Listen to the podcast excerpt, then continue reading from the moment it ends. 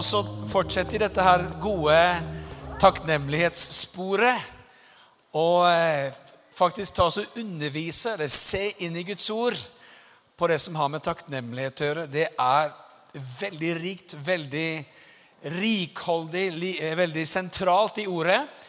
Og du må veldig gjerne slå opp med meg i Kolossebrevet og det tredje kapittelet.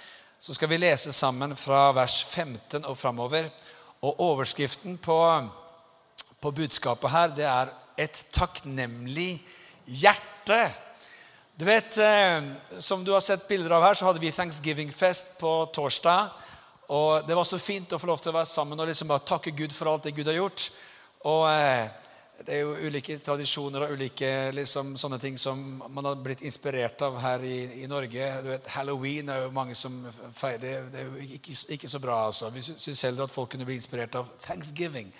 Det å stoppe opp, det å tenke, det å gi Gud takk for hans godhet, det er så dyrebart. Noen som er takknemlig her inne? Noen som har noe å takke for? Oi, oi, oi, vi har mye å takke for. Vel, vi får ta oss og se på ordet, for der står det nemlig i Kolossebrevet 3.15.: La Kristi fred råde i hjertene deres. Til den ble det jo kalt i et legeme, og vær takknemlige. Det, vet, halleluja. Bare som parentes, jeg skal, må jo egentlig lese litt mer før jeg begynner å kommentere. Men jeg kommenterer litt allerede, for det står La Kristi fred få råde i hjertene våre, og vær takknemlige.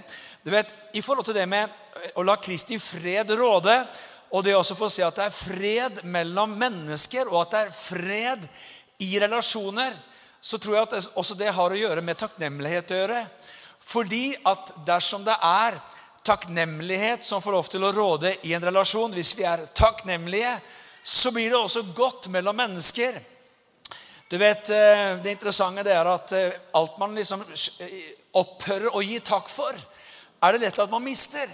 Alt man slutter å takke Gud for, er det lett at man glipper. Og Sånn kan det også være i relasjoner. Du vet, eh, Hvis man glemmer å takke, så er det ikke sikkert at freden fortsetter, fortsetter å få lov til å råde. Det kan være sånn i relasjoner, det kan være sånn i ekteskap, det kan være sånn mellom, mellom venner. At, at, takknemligheten den må være rikholdig. Og Det står videre i vers 16.: La Kristi ord bo rikelig blant dere, så dere lærer og formaner hverandre i all visdom med salmer og lovsanger og åndelige viser, står det, og synger med takknemlighet i deres hjerte for Gud. Dette er litt interessant fordi det står at Kristi ord, at ordet, det skal være rikelig. Ikke litt, ikke noen dråper, ikke noen smuler, men rikelig skal det være. Rikelig, massevis, gode, herlige mengder med Guds ord. Og hva er det som skjer da? Jo, vi, det gjør at vi formaner hverandre, at vi lærer hverandre, at vi, vi synger, står det. I takknemlighet i hjertene for Gud. Så det her er et sånt takknemlighetsdokument. Bibelen bare formelig oser av takknemlighet. Det er så fullt av takk til Gud for hans skaperverk, for hans storhet, for hans godhet, for hans frelse. Så hvis du bruker mye tid i ordet, så blir du med andre ord mer takknemlig. Det er veldig bra, altså. Så, så fylles vi med takknemlighet. Og så står det videre i vers 17 eh, bare liksom, Det bare stiger liksom bit for bit her.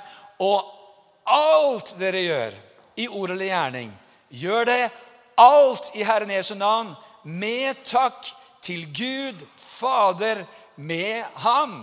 Det er jo litt sånn heftig vers, egentlig. Alt dere gjør, absolutt alt, rubb og rake, rubb og stubb, everything, eh, alt dere gjør, skal liksom være fylt med takk ut ifra et takknemlig hjerte. Wow, wow, wow, wow! wow. Altså, Jeg vet ikke jeg vet, her, jeg vet ikke hvordan du tenker om dette, her, men man er jo veldig opptatt i vår tid, og det jo, kan man kanskje ha vært til alle tider, at man skal se godt ut. Man, man, vil helst liksom se litt godt ut. Og, eh, noen tjener veldig mye penger på at vi skal se godt ut, og noen tjener veldig mye penger på at damene gjerne vil se godt ut. Eh, og det er jo veldig fint. Men eh, veldig, veldig bra altså at man vil se godt ut, mener jeg. Og, eh, men, men, eh, noe av det som kanskje gjør et menneske vakrere enn noe annet, det er en sånn strøm av takknemlighet. Det er akkurat som det gjør noe med det gjør noe med ansiktet til folk. vet du. Det gjør noe med liksom innstillingen, det gjør noe med hele, hele vesenet til et menneske hvis det er fylt av takknemlighet. Aha. Vet du hva jeg mener? Ja, det er så godt å bare dvele ved disse tingene. Og, med, når man begynner å liksom studere Skriften for å tenke på takknemlighet Det var fullt. Det var overalt. Og hvis du bare blar ett eh, kapittel tilbake i Bibelen din, i Kolossebrevet kapittel 2, så står det noe interessant i vers 6 og 7. så står det Likesom dere altså tok imot Kristus Jesus som Herren, så vandre i ham. Med andre ord, vi tok imot Jesus. En dag så ble Jesus herre. Og så skal vi fortsette å leve i han, vandre i ham, bevege oss i han. Så står det hvordan er det vi gjør det? Jo, rotfestet og oppbygget i ham. Grunnfestet i troen, slik dere har lært. Rike på takk. Så hvis, hvis, vi er rotfestet i troen, hvis vi er grunnfestet i troen, hvis troen er solid, så vil det si at vi er rike på takk. Så det er nesten så man kan tenke at liksom, graden av takknemlighet som stiger ut fra og hjerte, ditt og mitt hjerte, det sier liksom noe om hvordan vandringen med Jesus er. For det at vi skulle vandre med Jesus, vi skulle ikke bare ta imot ham, men vi skulle også vandre med ham. Og så skulle vi være rike på takk. Halleluja. Så mennesker som virkelig har liksom fått tak på hva det er å følge Jesus, de er ikke på tak. Med andre ord, jo mer vi følger Jesus, jo mer takknemlige blir vi. Aha. Amen. Det er godt, det her. Halleluja. Vi fikk jo et sånt takkekort når vi kom inn her. Det var veldig godt. altså. Du får vinke litt, men det er noen som har sånn takkekort her. Det sto takk, takk, takk, takk. Um, kan jeg få låne et sånt kort av noen som har et sånt takkekort? Her har vi det. Her skal vi se, Masse fine språk, vet du. Thank you, obrigado, merci, asante. Du vet, um, Tenk litt på dette her. En takknemlig menighet, det er en herlig menighet. En takknemlig troende, det er en moden troende. Det å være en etterfølger av Jesus som er rik på takk. Altså ikke sparsomt med takk, men rike på takk. Og så står det her eh, Det her har dere lært, står det. Rotfestet og oppbygget i ham, grunnfestet i troen, slik dere har lært. Rike på takk. Det er litt interessant, det her. Man må med andre ord lære seg til å bli takknemlig. Jeg vet, Av og til så, når man skal fostre unger og sånt, så, så når, når, barn er veldig små, så, så, kan du kanskje huske en eller annen sånn setning hvis et, et, eller annet barn fikk en svær gave, eller fikk liksom et eller annet, eller det skjedde et eller annet, og så liksom woohoo, så føk barna av gårde i, i, sin begeistring, og så sier foreldrene gjerne 'Du glemte noe!' Er det noen som kan huske en eller annen sånn setning som det er noen gang? Du uh, glemte noe. Hva da? Takk! Ah, takk, ja! For det, det, det må med andre ord nesten læres å si takk. Ja. Så når, når, man liksom, når, man blir frelst og blir en troende, så kommer man jo inn i en ny livsstil hvor liksom vokabularet liksom gradvis endres en del. Eh, man begynner å si en del ord som man ikke sa før. Halleluja og sånt. Eh, det er veldig bra. Men så begynner man også å si takk så mye mer, for man har jo så utrolig mye å være takknemlig for. Amen. Oi, oi, oi, oi, oi. Så glede det er å få lov til å kjenne på denne her takknemligheten. Og du vet hva, Det er liksom noe mye mer enn en slags sånn fin, hyggelig, allmennmenneskelig hva skal man si, greie.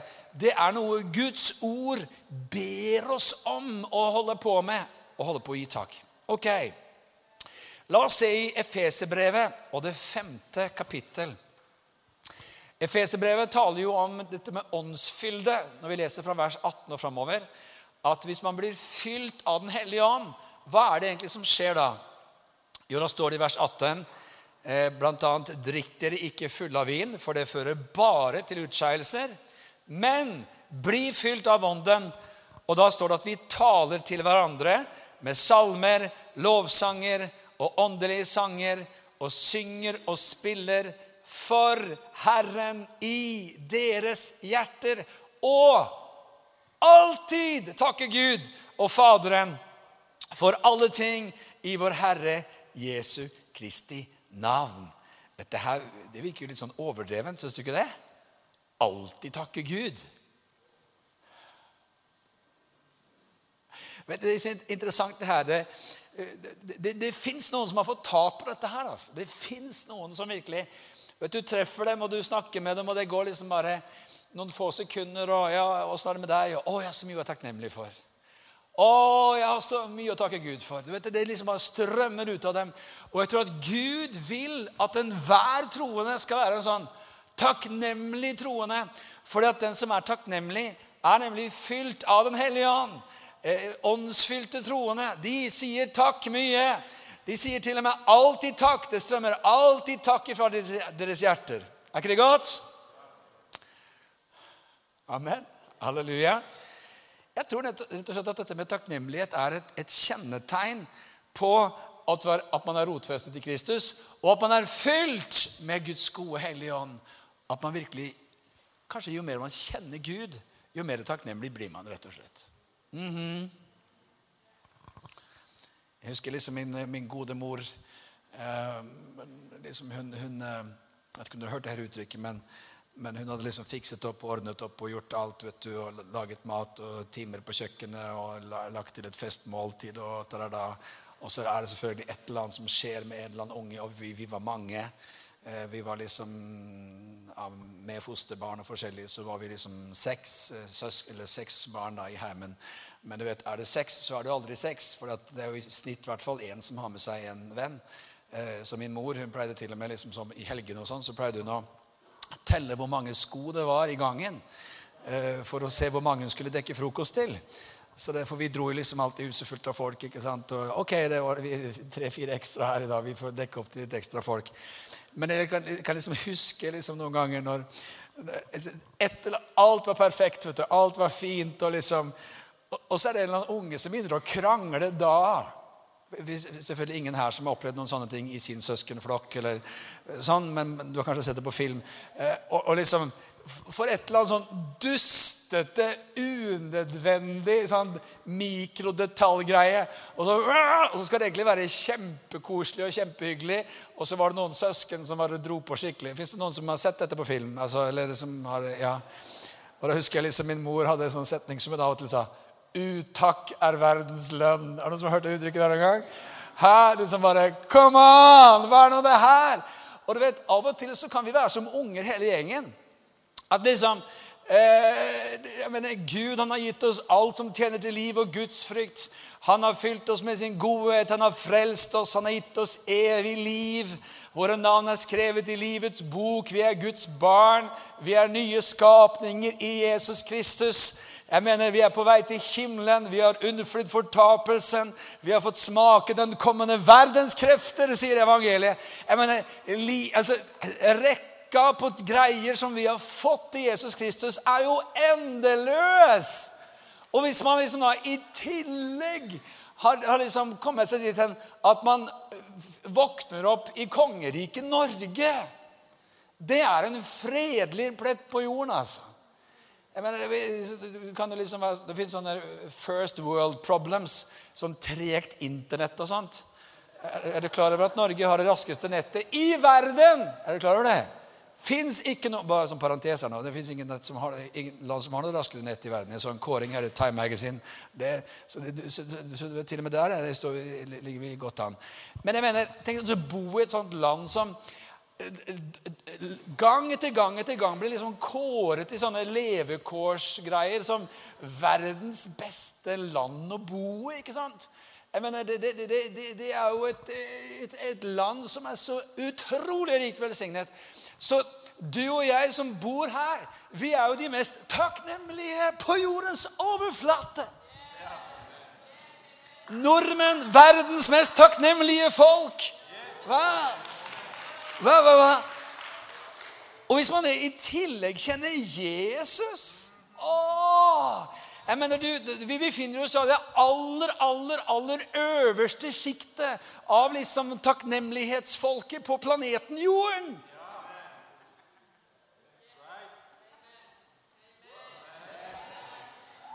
Ja, det er kaldt her. Fy a meg. Det er så utrolig kaldt. Det er jo bare Det er ikke bare kaldt, det er mørkt. Det er mye, veldig kaldt, og det er veldig mørkt. Glatt der òg. Glatt og mørkt og kaldt og glatt og mørkt og kaldt og kaldt og glatt og mørkt. Ja da. Ja, men det er greit, da. Men det er veldig kaldt og veldig glatt, og det er veldig mørkt.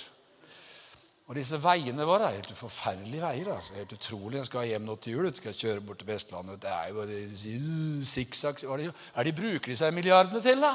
Hæ? Høl i veien overalt. Det er utrolig at det går an.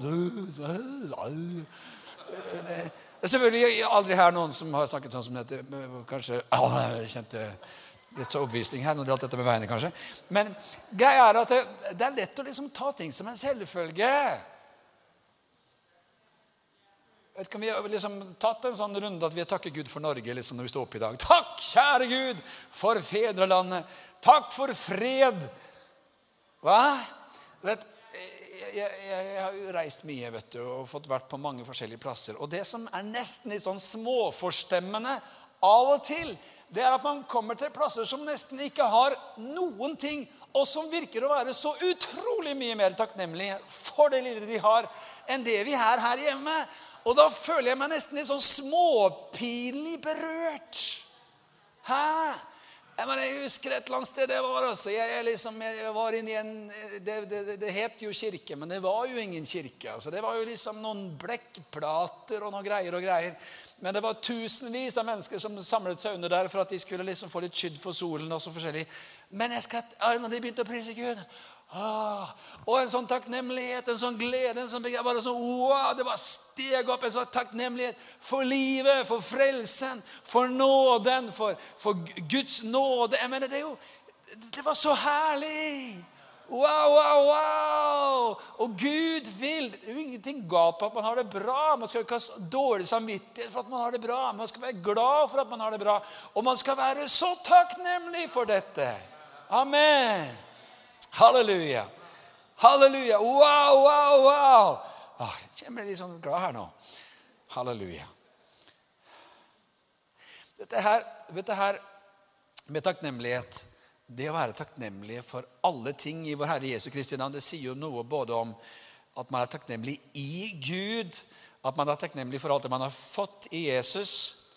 Og jeg tror også at det er noe med det at hvis jeg er takknemlig for det jeg har, og hvis jeg er takknemlig for det som Gud har gitt, så vil det på en måte fortsette å strømme velsignelse over livet mitt. Mens hvis takknemligheten stopper, og hvis liksom denne strømmen av takknemlighet blir borte, så tror jeg også at eh, det er noe som stopper opp i eget liv. Og jeg tror at det her kan gjøre seg gjeldende på veldig mange områder. F.eks. Eh, hvis den som er gift, og som bare tenkte bare sånn Wow! Får jeg henne? Eller får jeg han? Come on! Det er jo liksom bare dream come through. Det er helt fantastisk. Eh, og jeg husker jo, Alle her kjenner jo historien. Anne preker i Kolben i dag, forresten. Og, eh, eh, og vi, vi, passerte her nå i uka som var sånn 26 år siden hun sa ja til meg. Det var jo Thanksgiving Sundays, eller Thursdays. Jeg var ekstra takknemlig. Eh, hun sa jo nei to ganger, sa ja tredje gang. Å, hvilken glede! Og du vet, Men det som kan skje i et ekteskap, det er at det man en gang var kjempetakknemlig for Hvis man ikke fortsetter å gi takk, hvis man ikke fortsetter å takke, så kan det som var liksom helt utrolig, bli en slags selvfølge. ikke sant? At man tar hverandre som en selvfølge. Og når man begynner å ta hverandre som en selvfølge, så kan det her vakre, dyrebare, fantastiske gaven som Gud ga, bli noe som man ikke lenger verdsetter. Og det man ikke lenger takker for, det verdsetter man ikke lenger. Og det man ikke lenger verdsetter, kan man lett liksom miste, eller det kan, det, kan, det kan, bli borte for en. ikke sant? Og det er jo nesten sånn, Fascinerende er det jo ikke, for det er egentlig forferdelig. Men, men det er litt sånn utrolig at man kan sitte med ektepar da, i ulike visse sammenhenger som har problemer eller som sliter. Eh, og hvis det er kommet riktig langt, og man liksom tenker at vet du hva, vi har ikke noe felles mer, og vi burde egentlig gjøre slutt på alt sammen, eh, så er det akkurat som at man har helt mistet synet av det som en gang var. Det er akkurat som at ja, Vi har aldri elsket hverandre. Tull! Visst har du. Men det kan være at man ikke fortsatte å si takk, ikke fortsatte å liksom være takknemlig. Og jeg er så glad for at jeg i hvert fall kan si det, at når det gjelder min kjære hustru Anne Kristiansen jeg mener, det, går, det, det, det, skjer hele tiden at jeg sier å, kan du tenke at du sa ja til meg? Wow! Jeg syns det er herlig. At du sa ja til meg! Altså, Amerikanerne har dette uttrykket 'married up'. Ikke sant? Eh, man, liksom, man, man, man, liksom, man, gifter seg med noen som liksom var above your league. Altså hvis Married up jeg, I married uppity, uppity, uppity up. Altså, det var liksom bare Det var liksom oppi, altså fra, oppi en helt annen liga. Altså. Kan du tenke deg? Hun sa ja! Wow! Jeg er så glad! Og jeg kjenner denne takknemligheten. Mm. Mm. Amen. Og det som er så herlig, det er at Gud vil at det skal være takknemlighet som får lov til å prege våre liv på alle måter. Bare ta et annet et eksempel her nå. du vet. Vi er jo en herlig kirke her nå, en Markus kirke. Eh, og i de årene som var mange mange, mange år før vi kom inn i Markus kirke, så hadde vi da en slags sånn sjette tjenestegave i Jesus Church. Eh, Gud satte i menigheten noen til apostel, profet, eh, evangelister, hyrder, lærere. Og så hadde vi da bærere i Jesus Church. Fordi at hver eneste søndag var en sånn ti timers riggegreie. Ja, nå skal du huske det her.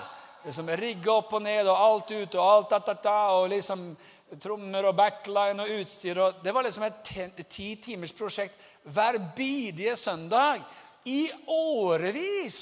Ikke sant? Og Av og til så var det sånn at når vi kom i ballroom, så var det eh, liksom, det, det lukta jo whisky altså, for alle penger på morgenen. Det hadde liksom vært gått riktig drøyt for seg. vært en, en, våt aften eller natt eller hva det var. Eh, og det var knuste glass og knuste, knuste flasker og liksom, ei, liksom Ja, det, var, det, var, det lukta litt av hvert. Eh, det, det var mye greier. Og så ga Gud oss en kirke! Det er jo herlig!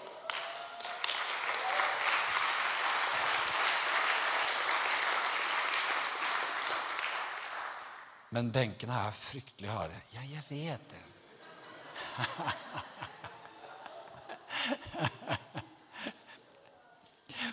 Jeg tror Den dagen vi tar opp sånn kollekt til puter, det blir sånn rekord, rekord, rekordkollekt. Tror du ikke det? Vi venter et par år til med det. Så det skal liksom bygge seg opp litt sånn forventning. Er du vet, det, altså, jeg ble spurt om å vaske den der kirka.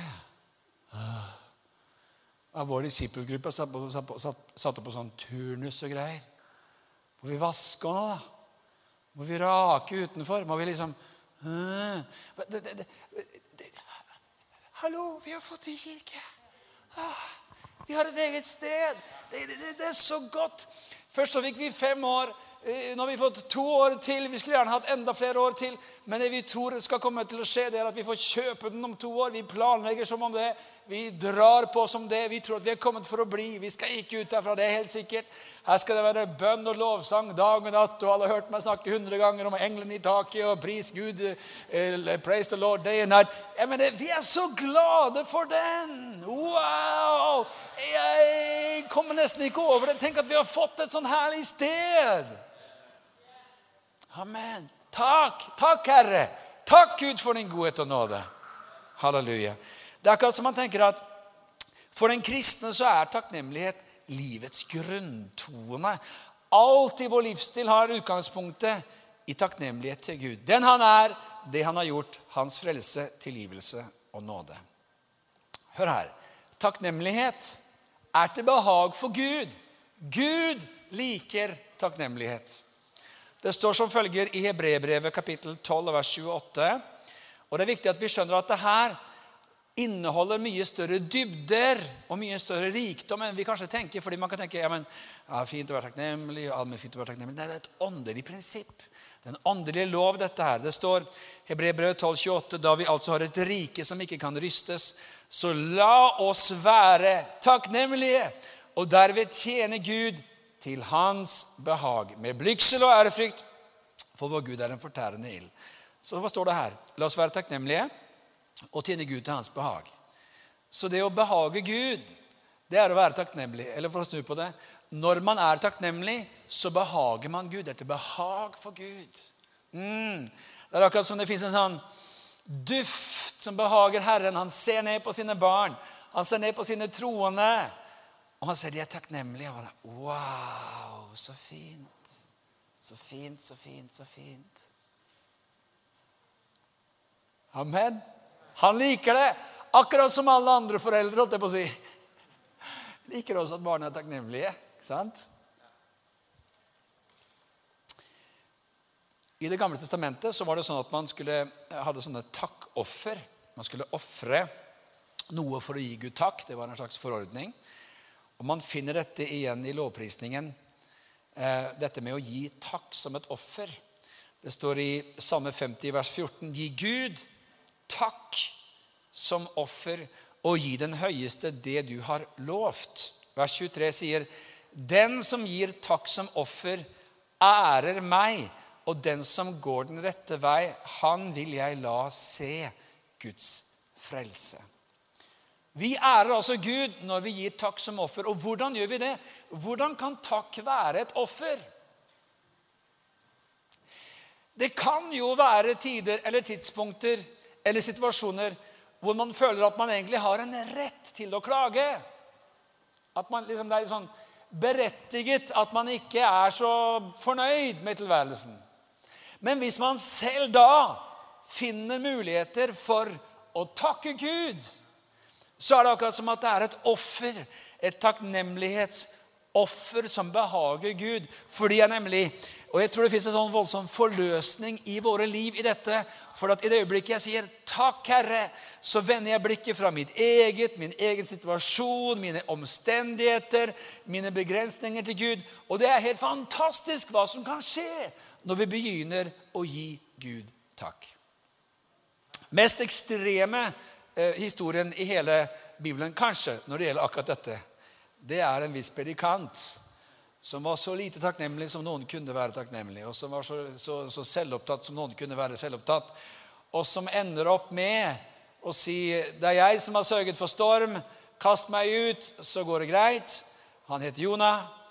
Han eh, blir kastet ut, han blir slukt av en svær fisk, en diger sak.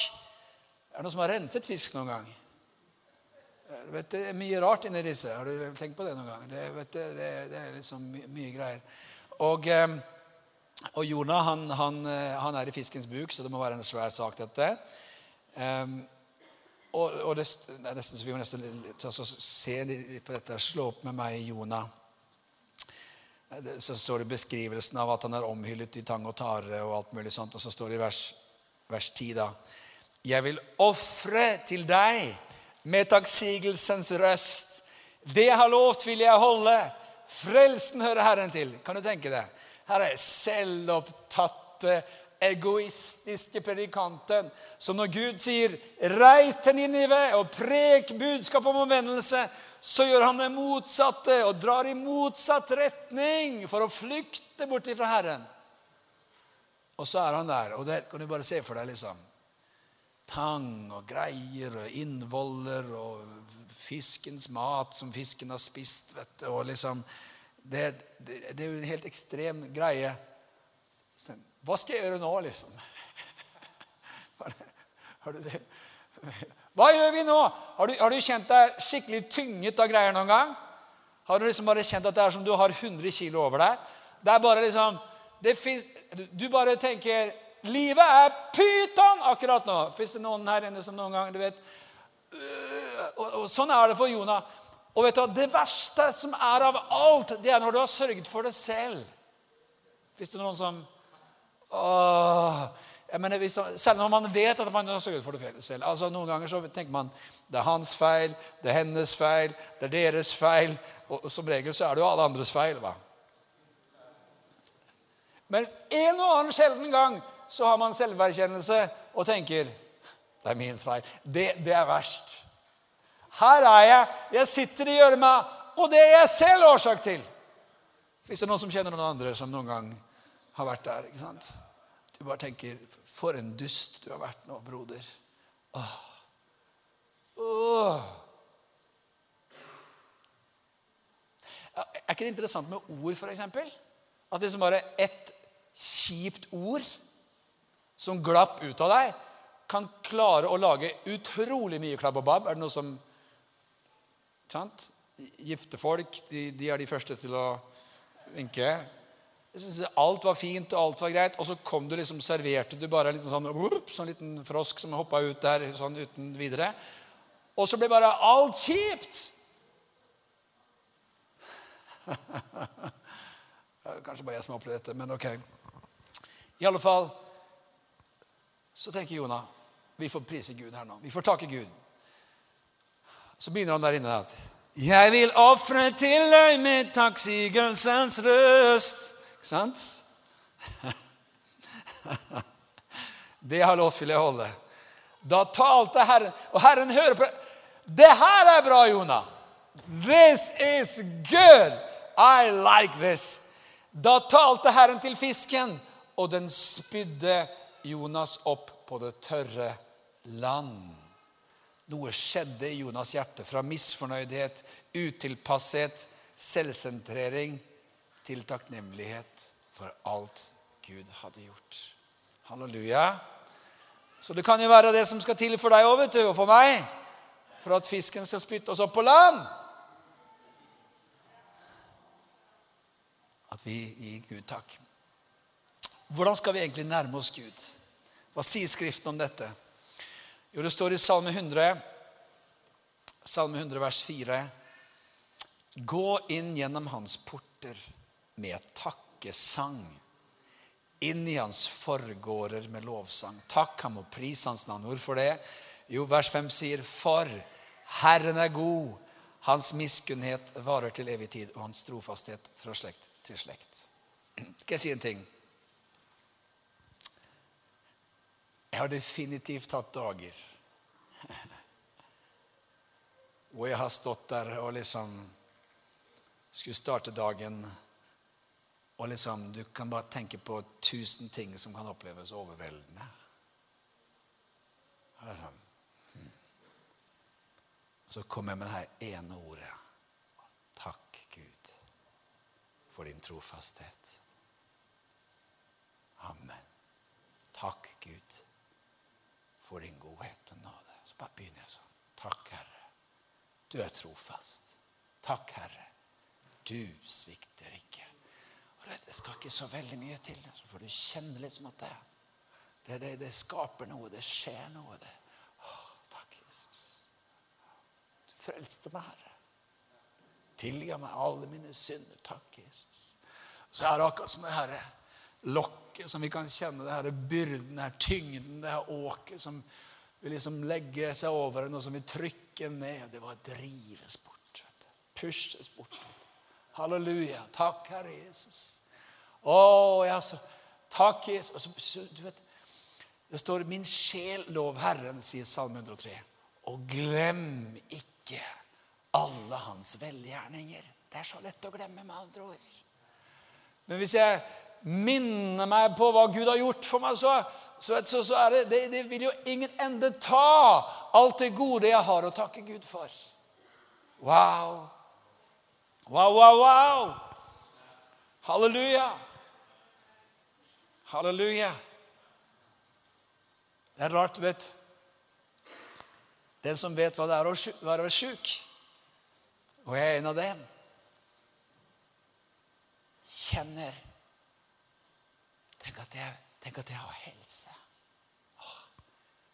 Jeg husker jeg hadde en operasjon for noen år siden. og Nå takker jeg Gud for ting jeg ikke takker Gud for før. Jeg går lange turer og sier takk Gud for bena mine. Takk for at jeg kan gå. At jeg kan gå langt. Takk, Herre, for helse. Det er så godt å kjenne her takknemligheten. Halleluja. Amen. Og så godt å høre disse fem som sto her og sa takk. Takk for fellesskapet. Takk for det åndelige hjemmet. Takk for brødre og søstre. Takk. Amen. Det er så godt å kjenne på dette. For takknemligheten fokuserer på det man har, i motsetning til det man ikke har. Halleluja. Og Derfor er det også interessant at Guds folk kommer, til, kommer sammen på søndag, den første dagen i uken, for å gi Gud takk. For å samles for å gi takk. For å synge sanger av takknemlighet til Gud. Wow. Da skal vi synge disse sangene igjen, da. Ja, det skal vi. Takk, min Jesus, satt meg fri. Faderen og Sønnen og Den hellige ånd. Å, det der er godt! Nå er de i gang! Nå er de i gang! Nå er de i gang! Og priser de Gud der nede i Norge. Halleluja. Det er vakkert. Lovsang sømmer seg, står det. Det er rikt, det er godt, det er vakkert. Halleluja. Vi takker Gud for hans godhet, for hans nåde, for hans miskunnhet. Halleluja. Hm.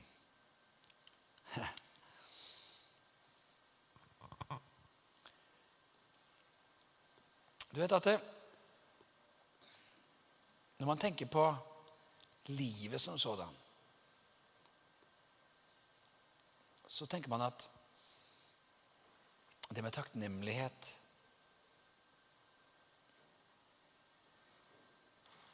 Det skulle liksom være noe som var helt sånn daglig. Helt sånn daglig. Jeg tror det er 86 400 sekunder i en dag. Mange, altså. Og spørsmålet til deg er har jeg brukt ett av de til å si takk. Det tar et sekund.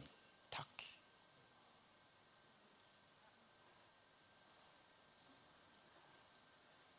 Har jeg takka noen i dag? Har jeg takka Gud i dag? Det står i, eh, i 1. Tessaloniker 5, vers 18, så står det Takk for alt. For dette er Guds vilje for dere i Kristus Jesus. Det kan jo høres litt spesielt ut. Takk for alt. Liksom Jeg brakk benet. Takk skal du ha, Herre. Er det det det betyr? Jeg fikk en på tygga. Tusen takk. I, King James-oversettelsen av Bibelen så står det In everything give thanks. Altså gi Gud takk i alt. Det er alltid mulig å takke. Det er velkjente historien om Paulus og Silas i fengsel. ikke sant? Jeg mener Det er kjipt! De sitter i, i, i fengselet, i det innerste fangehullet. Jeg har vært der og sett ruinene i Filippi. Det er mørkt, det er kaldt, det er elendig. De er pisket, de er slått. Det er midnatt. Man kan liksom se for seg fristelsen til Silas å si skulle aldri ha blitt med deg, Paulus. Skulle aldri blitt med deg. Det er som å be om bråk, liksom. Du burde holdt meg hjemme. Ja, du har helt rett, Silas. Det, vi burde holdt oss hjemme. Skulle aldri. Det er lett å fokusere på alt det her kjipe. Det, fins ting som er kjipt. Fins ting som er vanskelig. Fins ting som er mørkt. Fins ting som er håpløst. Sånn i det ytre. vi tar en, vi tar en lovsang. Vi tar en Det var jo sånn tamburinen ble oppfunnet. vet du, Så sitter de der med ja, Kanskje ikke, men det står Ved midnattstid så sang de lovsanger til Gud. Og Herren begynner å trampe takta. Og fengselet raser. Litt sånn forenklet teologi akkurat der nå, men Men det er herlig, det er vakkert, det er godt å kjenne. Det fins alltid en mulighet til å gi Gud takk. En sånn takknemlig livsstil gjør oss positive. Og jeg tror at Gud vil at hans folk alltid skal speide etter ting å være takknemlige for. Speide etter muligheter for å gi takk. Halleluja. Jeg tror det former en slags sånn sjenerøsitet, en sånn raushet, en annen livsholdning den som har et takknemlig hjerte. Halleluja. Vet Mats Ola Isol han var her og talte på en Jesusfestival for en del år siden. Jeg var jo sammen med han for kjære venner, det var jo forrige uke i Moskva. En herlig Herrens tjener. De har en fantastisk menighet der i Moskva. Og Han fortalte en berettelse når han var her som, som var helt utrolig. Altså, som han hadde lest om en som heter Matthew Henry. Jeg vet ikke om noen har vært borti Matthew Henry, en sånn veldig kjent bibelkommentar som, som skrev et sånt veldig sånt 1600-tallet, tror jeg. 1600-1700-tallet der omkring. Som, som, som du, hvis du liksom går forbi et eller annet antikvariat, eller du, kanskje det fins på Amazon, jeg vet ikke, så finner liksom Matthew Henrys bibelkommentar. Bra greier. Og så var det Etter hans død så fant man jo da eh, dagboksnotatene til eh, Matthew Henry. Og så, og så var det beskrevet en dag hvor han ble ranet og frastjålet alt han hadde. Det er en kjip dag, ikke sant? Er du med? Ranet og frastjålet alt. Så står det i hans dagboksnotater. I dag ble jeg ranet. Jeg er så takknemlig for at det var jeg som ble ranet, og at det ikke var jeg som var raneren.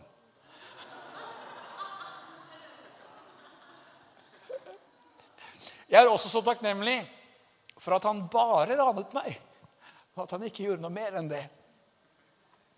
Jeg er også veldig takknemlig for at når jeg først ble rant, så var det ikke mye han fikk. Så liksom da, da, er du takknemlig, altså. Hæ? Dagboken er en sånn slags takknemlighetsgreie for all godhet og nåde fra himmelen. Så forteller Mats Ola da om liksom en sånn, en sånn dame som han hadde i menigheten, som alltid var utakknemlig. Alltid. Alltid. Det var alltid noe feil. Absolutt alltid. Så forteller Mats Ola da at det, eh, var liksom en søndag. det var liksom Alt var perfekt. Alt var fantastisk. Det var, liksom, det var så voldsomt, det var så bra. Det var så gjennombrudd. Det var en fantastisk gjestepredikant som virkelig leverte saken. Jeg mener, Det var liksom her! Og Han gikk bort til henne da og sa liksom at han tenkte nå kan det jo ikke være en ting som denne kvinnen kan være negativ til. Så, så han sier, 'Var ikke det her bra?' Og gjett hva hun svarte? 'Hvorfor har vi ikke gjort dette før?'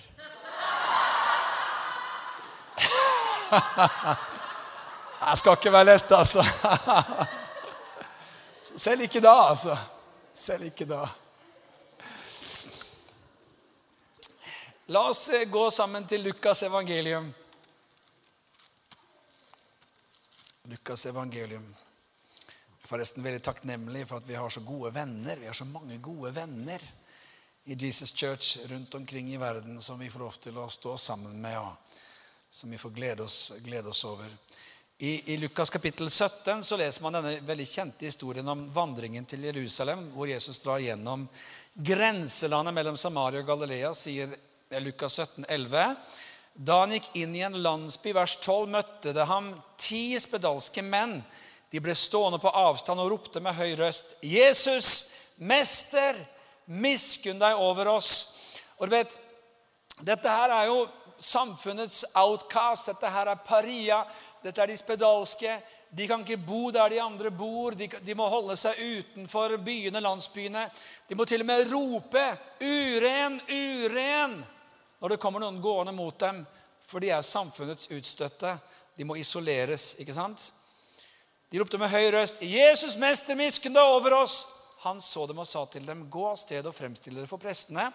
Og det skjedde mens de var på vei dit at de ble renset. Men en av dem vendte tilbake da han så at han var blitt helbredet, og priste Gud med høy røst. Og han falt ned på sitt ansikt for hans føtter og takket ham. Han var en samaritan. Men Jesus svarte og sa, 'Var det ikke ti som ble renset? Hvor er da de ni?' fantes det ingen som vendte tilbake for å gi Gud ære uten denne fremmede.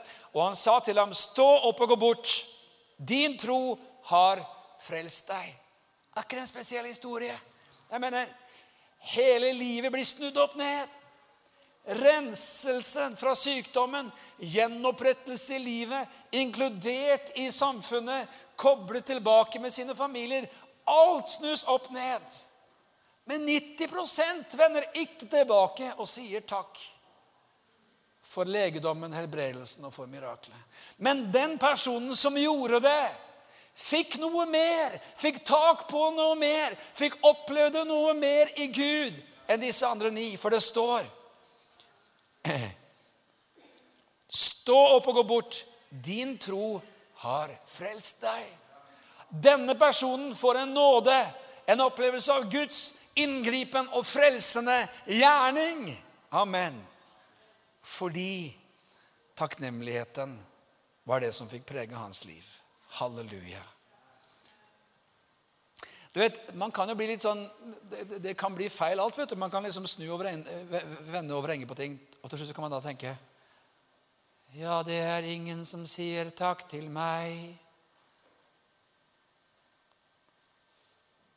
Så istedenfor å liksom tenke at budskapet her er for at vi skal leve i et sånt takknemlighetsliv, så blir til og med det feil. Ja, det er, det er fin preken. Jeg er veldig glad for disse andre får høre dette her, for det er faktisk ingen som sier takk til meg for noen ting som helst.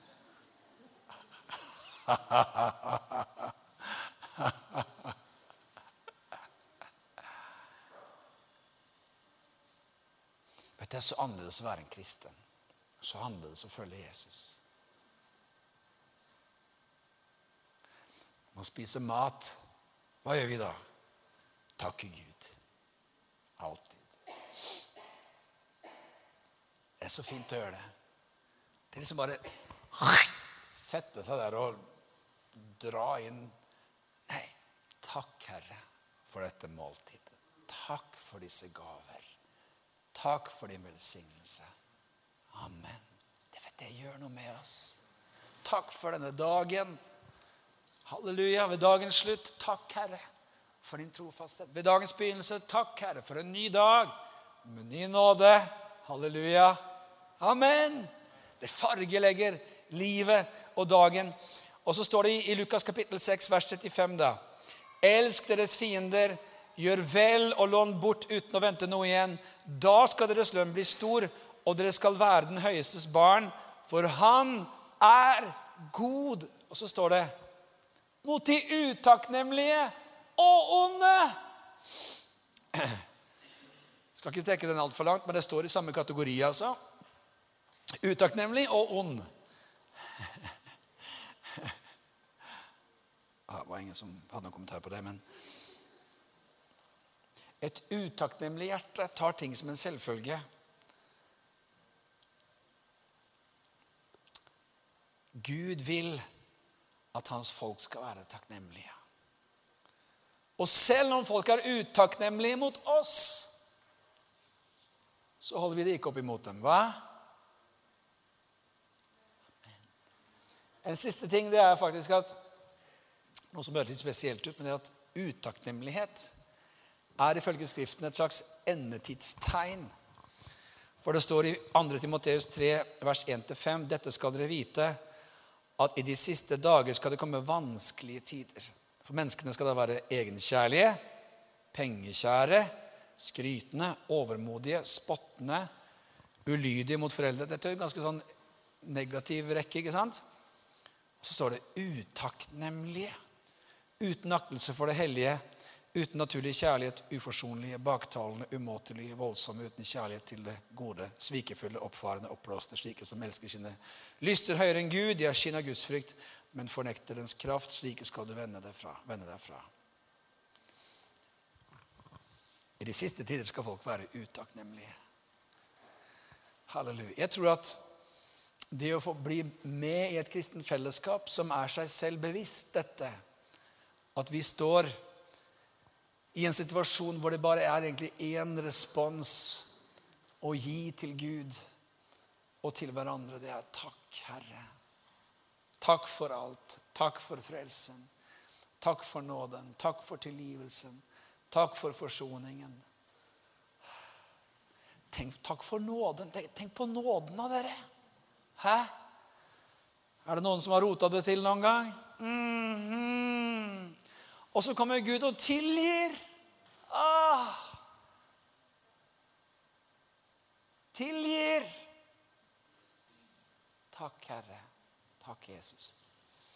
Det interessante er at i den første kristne menigheten så, eller Når Jesus innstiftes nattverden, så står det at han, han tok et brød, brøt det og ga takk og sa og Dette ordet er på gresk evkaristi. Eller evkaristo.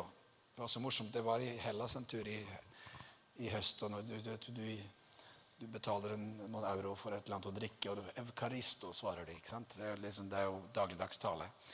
Mens, mens for de kristne så ble det rett og slett ofte en slags benevnelse på selve gudstjenesten. En eukaristi, altså en takksigelse. Vi kommer sammen for å gi Gud takk.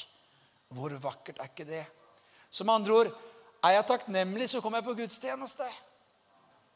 Fordi at man kommer sammen med de andre på ukas første dag for å gi Gud takk.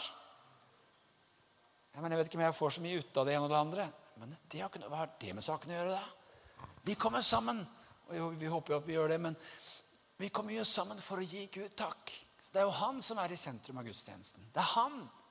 Takk, Herre. Takk skal du ha. Halleluja.